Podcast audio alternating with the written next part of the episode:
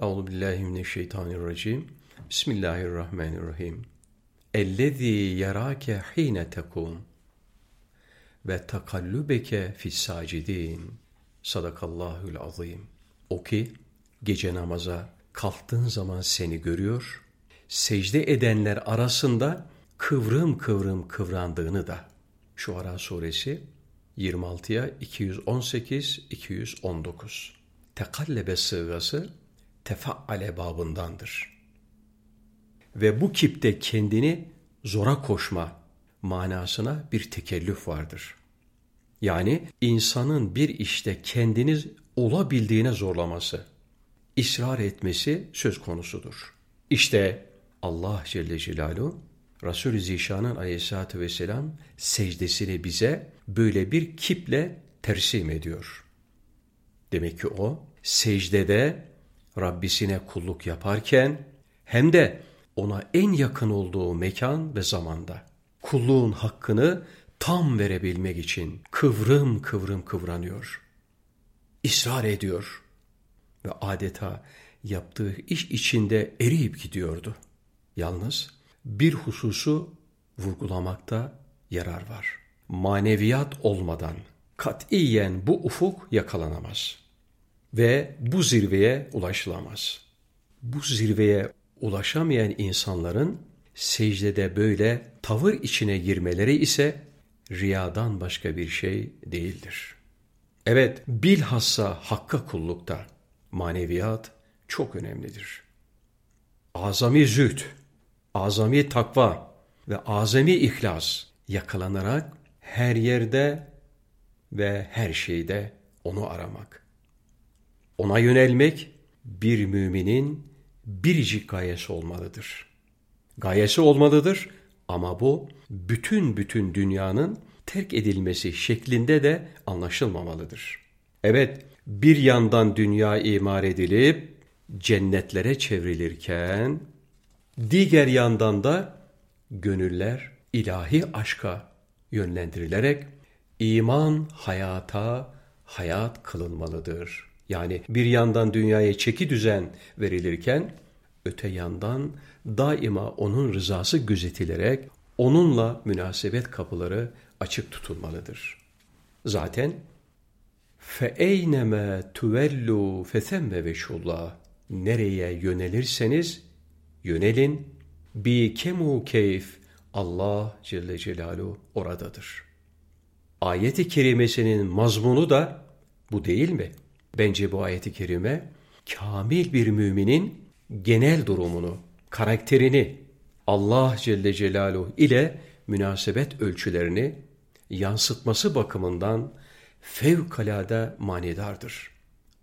Fıkıhçıların dediği gibi kıblenin bilinmediği yerlerde sor soruştur. Kendi imkanlarınla kıbleyi bulmaya çalış. Sonra tam ters tarafa yönelsen de yine isabet etmiş sayılırsın. Ne var ki mesele sadece bununla kayıtlı değil. Yani ayeti kerimeyi sadece bu manaya hasretmek doğru değil. İnsan yerken, içerken, yatarken, gezerken, ailesiyle birlikte olurken, hasılı 24 saatlik günlük hayatı içinde hemen her zaman onu gözetmesi, onu araması ve ona yönelmesi gerekir. Evet, ayeti kerime bu manalara da işaret etmektedir. Doğrusu insan her zaman kendini Rabbisiyle münasebeti adına yenilemeli ve hep taze kalmaya çalışmalıdır. Gerçi o teceddütten, tagayyürden, tebeddülden münezzehtir. Ancak bizler onu yeniden bir kere daha duymamız ve onu hissetmemiz adına kendimizi her zaman yenileyebiliriz. Yani eskilerin manzurun ileyh dediği bakılan zat adına değil de bakanlar adına bir yenilik. Bu her gün o mabudu bil hak ve maksudu bil istihkakın yeni bir tecellisiyle buluşmak, tanışmak ve böylece imanımız adına yeni derinliklere ulaşma manasında bir yeniliktir. Biz mutlaka bunu yakalamak zorundayız. Yoksa çürüyüp gitmemiz işten bile değildir. Hafizan Allah. Ayet-i kerimeye dönecek olursak, kıvrım kıvrım bir halde secde etme, Allah'ın Celle Celaluhu gönülde, kalpte duyulması ile doğru orantılıdır.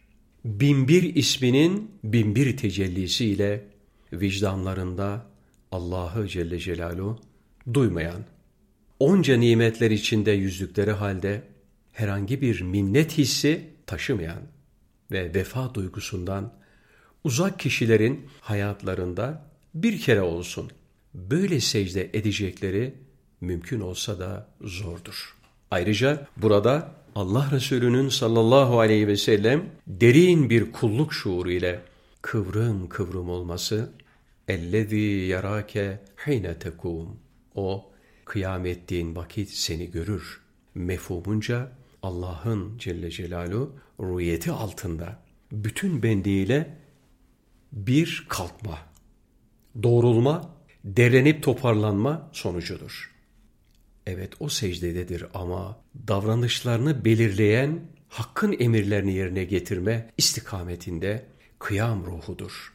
O gecenin yarısında teheccüde kıyam eder, dini ikame adına el pençe, emre amade bulunur, müminlerin maddi manevi ihtiyaçları karşısında da hep divan durur. Böyle sürekli kulluk mülazası ile emre hazır yaşamayı, baş ve ayaklarını aynı noktada birleştirmek suretiyle daha bir derinleştirir ve akrabu me yekunul abdu mir rabbihi fehuve sacid. Kişinin Rabbine en yakın olduğu an secde halidir. Zirvesine ulaşır. Euzu billahi mineşşeytanirracim. Bismillahirrahmanirrahim. Ve şuara'u yettebi'uhumul gavun. Elem tera ennehum fi kulli vadin yehimun ve ennehum yekulune ma la yef'alun illellezine amenu ve amilus salihati ve zekerullaha kesira ve entasaru min ba'di ma zulimu. Sadakallahul azim.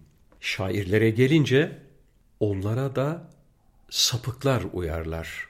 Onların her vadide başıboş dolaştıklarını ve gerçekte yapmadıkları şeyleri söylediklerini görmedin mi? Ancak iman edip iyi işler yapanlar, Allah'ı çok ananlar ve haksızlığa uğratıldıklarında kendilerini savunanlar başkadır.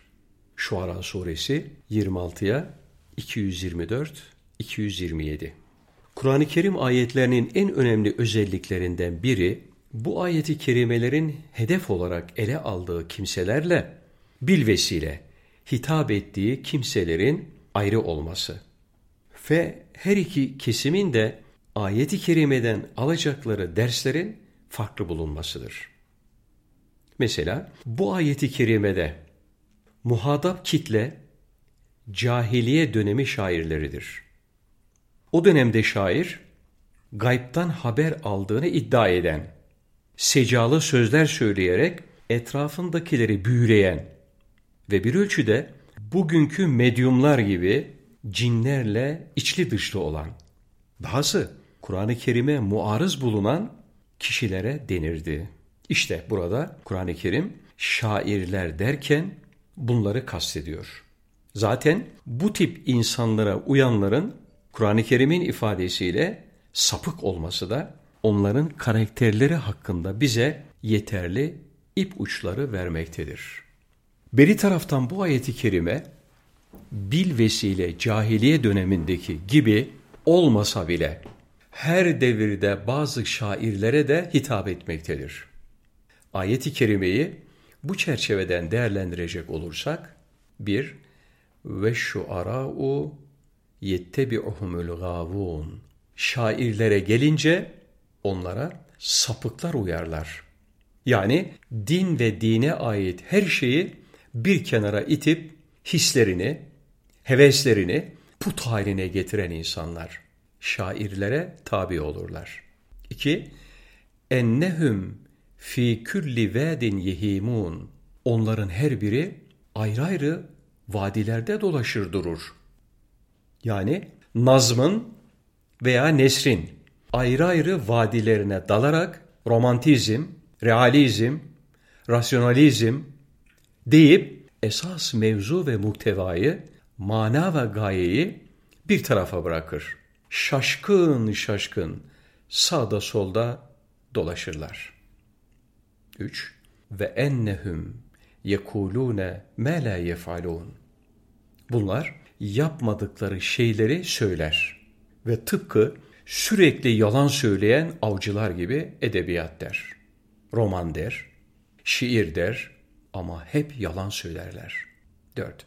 İllellezine amenu ve amelus salihat. Ancak iman eden ve salih amel yapanlar hariç. Onlar şair olmanın yanı başında mümindirler. Dolayısıyla onlara uyanlar da aynı duygu ve düşünceyi paylaşan insanlardır. Onlar Kur'an-ı Kerim çizgisini hayatlarına hayat yaptıklarından dolayı hiçbir zaman yoldan sapmaz ve hele katiyen şaşkınlığa düşmezler. Evet onlar yapmadıkları şeyleri söylemeyi Allah katında en büyük günah saydıklarından hiç mi hiç yalan söylemezler. İnandıkları değerleri edebiyata, romana, şiire katiyen feda etmezler. Çünkü onlar mümindirler. Yani emni emanın yeryüzündeki temsilcileridirler. Ve her zaman çevrelerine emniyet telkin ederler. Zaten onlar söz amel bütünlüğü içinde daima bir salih daire içindedirler. Esasen sabah akşam Allah'ı zikreden, haksızlığa maruz kaldıklarında haklarını müdafaa eden bu insanlardan başka bir şey de beklenmezdi. Evet, görüldüğü gibi Kur'an-ı Kerim'den istifadenin en önemli şartı onun evrensel olduğu nazara alınarak her şahsın kendini ona muhatap kabul ederek okumasıdır. Böyle yapıldığı takdirde Kur'an-ı Kerim kendini ifade edecek, biz de ondan istifade edebileceğiz. Hasılı pek çok iş ve meslek gibi şiirde, nisirde temsil edildikleri kimseler itibariyle farklılık arz ederler.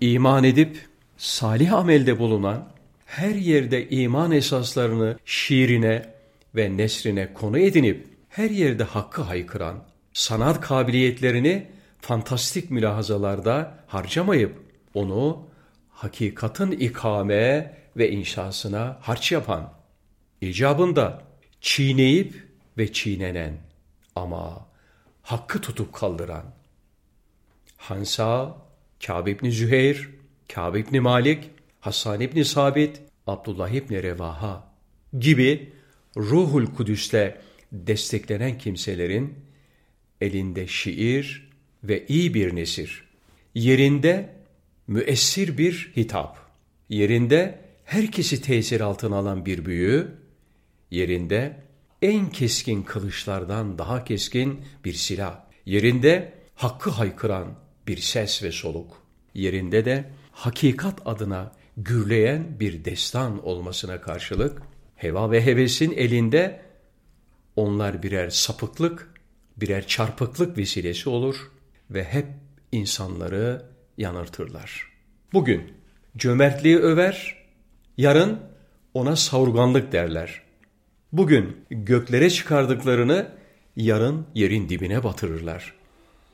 Bazen birer sönük hayali parlak birer hakikat gibi gösterirler. Bazen de en parlak hakikatları birer vehim gibi resmederler. Güzellikten bahsederken cismani iştahları şahlandırır ve hüsnü mücerredi görmezlikten gelirler. Tabiattan söz ederken onu bir mabut gibi gösterirler. Hep olmadık ve olmayacak şeyleri söyler. Sanatı yalanın, mübalağanın, demagojinin bir vasıtası haline getirirler. Ve bunlar her halleriyle şeytanidirler. Euzu billahi mineşşeytanirracim. Bismillahirrahmanirrahim. Fetebesseme dahikem min kavliha. Sadakallahul azim. Süleyman Aleyhisselam onun karıncanın sözünden dolayı gülümsedi. Nebi suresi 27'ye 19. Ayeti kerimedeki dahk tabiri kahkaha ile gülmeyi değil de tebessümü ifade eder. Yani dudaklarda çok kısa bir süre için beliren birkaç tebessüm çizgisi. Evvela Hz. Süleyman aleyhisselamla karınca arasında mucizevi bir muhavere geçmiştir ki bu Cenab-ı Hakk'ın Celle Celaluhu ona bahşettiği yüksek bir paye ve lütuftur. İşte bundan dolayı o da şükrün davranışlarla ifadesi sayılan tebessümle, hatta sesli ve hareketli tebessümle tahdisi nimet duygusunu seslendirmiştir. Saniyen, karınca bir kısım işar ve işaretlerle Süleyman aleyhisselama adalet ve hakkaniyetle muamele etmenin nihai sınırı hakkında fikir ve düşüncelerini ifade etmek istemiş ve ya eyyühen nemlu üdhulu mesakineküm la yahtimenneküm Süleymanu ve cunuduhu ve hum la yeş'urun. Ey karıncalar yuvalarınıza giriniz ki Süleyman ve orduları farkında olmadan sizi ezmesinler. Yani bunlar insanlardır. Mahiyetlerinin gereği olarak bazen düşünmeden veya farkında olmadan size zarar verebilirler demiş. Allah'ın Celle Celaluhu bu lütuf ve kapısını kendisine açmasından ötürü Süleyman Aleyhisselam da tebessüm edivermiş. Zira bu onun peygamberliğine ait hususi bir lütuf idi ve peygamberane hali ve kavli bir şükür isterdi. Ve işte Süleyman Aleyhisselam sesli tebessüm ve sözleriyle bunu ifade ediyordu. Böyle bir memnuniyet ifadesi, tebessüm de Peygamber Efendimizin sallallahu aleyhi ve sellem hayatı seniyelerinde vaki olmuştu. Peygamber Efendimiz sallallahu aleyhi ve sellem minberde hutbe irat buyururken bir bedevi mescitten içeriye girmiş ve Ya Resulallah yağmursuzluktan her taraf çoraklaştı. Topraklarımız kuraklıktan çatladı. Çoktandır yağmur yağmıyor. Allah'a dua ediniz de yağmur yağsın demişti. Efendimiz aleyhissalatü vesselam dua edince de bardaktan boşanırcasına şakır şakır yağmur yağmaya başlamıştı. Sokaklar ve her taraf su altında kalmıştı. Ki Efendimiz sallallahu aleyhi ve sellem böyle harika bir ihsan karşısında şükranla gerilmiş ve cemaatine tebessümler yağdırmıştı. İşte böyle bir tebessüm her iki hadisede de dak kelimesiyle ifade edilmiştir. Kahkaha olmadığından Hz. Süleyman Aleyhisselam'ın tebessümünü ihtimal melekler böyle kaydetmişlerdi. Ama raiyeti dahi bunu fark edememişti. Zaten dudaklardan beliren böyle birkaç çizgiyi çoğu kez fark etmek de mümkün değildir. Ey karıncalar! Yuvalarınıza giriniz ki Süleyman ve orduları farkında olmadan sizi ezmesinler. Ayet-i kerimesi bir başka açıdan da şöyle değerlendirilebilir. Burada bir bakıma karınca Süleyman Aleyhisselam'a işaretle bu seviyedeki bir insanın değil insanlar arasındaki hukuka, hayvanat arasındaki hukuka dahi riayet etmesi lazım geldiğini ihtar ediyordu. Karınca kendi tayfasına insanların adaleti taammeyi gerçekleştirmelerinin zor olduğunu vurgularken aynı zamanda ayaklar altında bulunmanın ezilme yolu olduğunu hatırlatmasına karşı Hüdüdü Süleymani de başlarda dolaşmanın gereği olarak Süleyman Aleyhisselam'a gelip güneşe tapan Sebe melikesi Belkıs ve tebaasını anlatıyordu. Şaşıyorum bu insanların haline. toprağın bağrında daneyi bitiren, göklerde ve yerde gizli olanı açığa çıkaran, gizlediklerini ve açığa vurduklarını bilen Allah Celle Celaluhu varken bunlar güneşe secde ediyorlar diyordu. Halbuki güneş de Allah'ın Celle Celaluhu bir memuruydu. Yine buradaki bir nükte de Hz. Süleyman Aleyhisselam'la muhavere eden karınca ile Hüdhüd'ün mesajını getirdiği Sebe melikesinin dişi olmalarıdır. Dişilik veludiyeti, doğurganlığı temsil etmektedir. Yoldaki dişi karıncanın Sebe melikesine bir işaret olmasının yanında Hz. Süleyman Aleyhisselam'ın ilahi kelimetullah hedefli çok izdivacı ve çok evladının olmasına işareti de ayrıca üzerinde durulacak bir konu. Bir de zannediyorum burada kamil insanın hayvanat aleminin sınırları ile kutuplaşması meselesi anlatılmaktadır. Bu da değişik bir zaviyeden önemli olabilir. Evet, eğer hayvanat alemiyle alakalı bir kısım hususiyetleri hakikatiyle kavrayabilseydik, bu alemin kendine mahsus diliyle bizlere anlatacağı nice hakikatlar ve incelikler olduğunu görebilirdik. Bence Kur'an-ı Kerim'de bazı surelerin Nahl ve Nemil gibi hayvanat ismiyle zikredilmesi insanlık ve hayvanat alemi arasındaki böyle bir münasebetin önemini ihsas etmektedir. Evet, karınca ve arı gibi cumhuriyetçi canlıların bizlere ilham edeceği bir kısım hakikatler olsa gerek. Ancak aradaki bu dakik münasebet, inanan insan şuur ve idrakiyle şerh edilebilmesi neticesinde gerçekleşecektir. Allah Celle Celaluhu Kur'an-ı Kerim'de bize bir nebinin mucizesiyle insanoğlunun doğrudan doğruya bir hayvanla konuşup anlaşmasının mümkün olacağını göstermektedir. Ve bu lisan bir manada öyle fasih, öyle talakatlı bir lisandır ki bizim gibi kelimeler kullanılmasa da yine fasihtir, muhavere vesilesi olarak yeterlidir ve yararlanmaya açıktır. İhtimal Hz. Süleyman Aleyhisselam'ın tebessümüne vesile olan hususlardan biri de işte bu ihtimallerin en uç noktasındaki bil kuvve, musahhariyetin bil fiil, musahhariyete açık olması ve mevsimi gelince ulaşılabileceği bişaretiydi. Allahu a'lemu bi hakikatil hal ve savab ve ileyhil merci'u vel me'ab.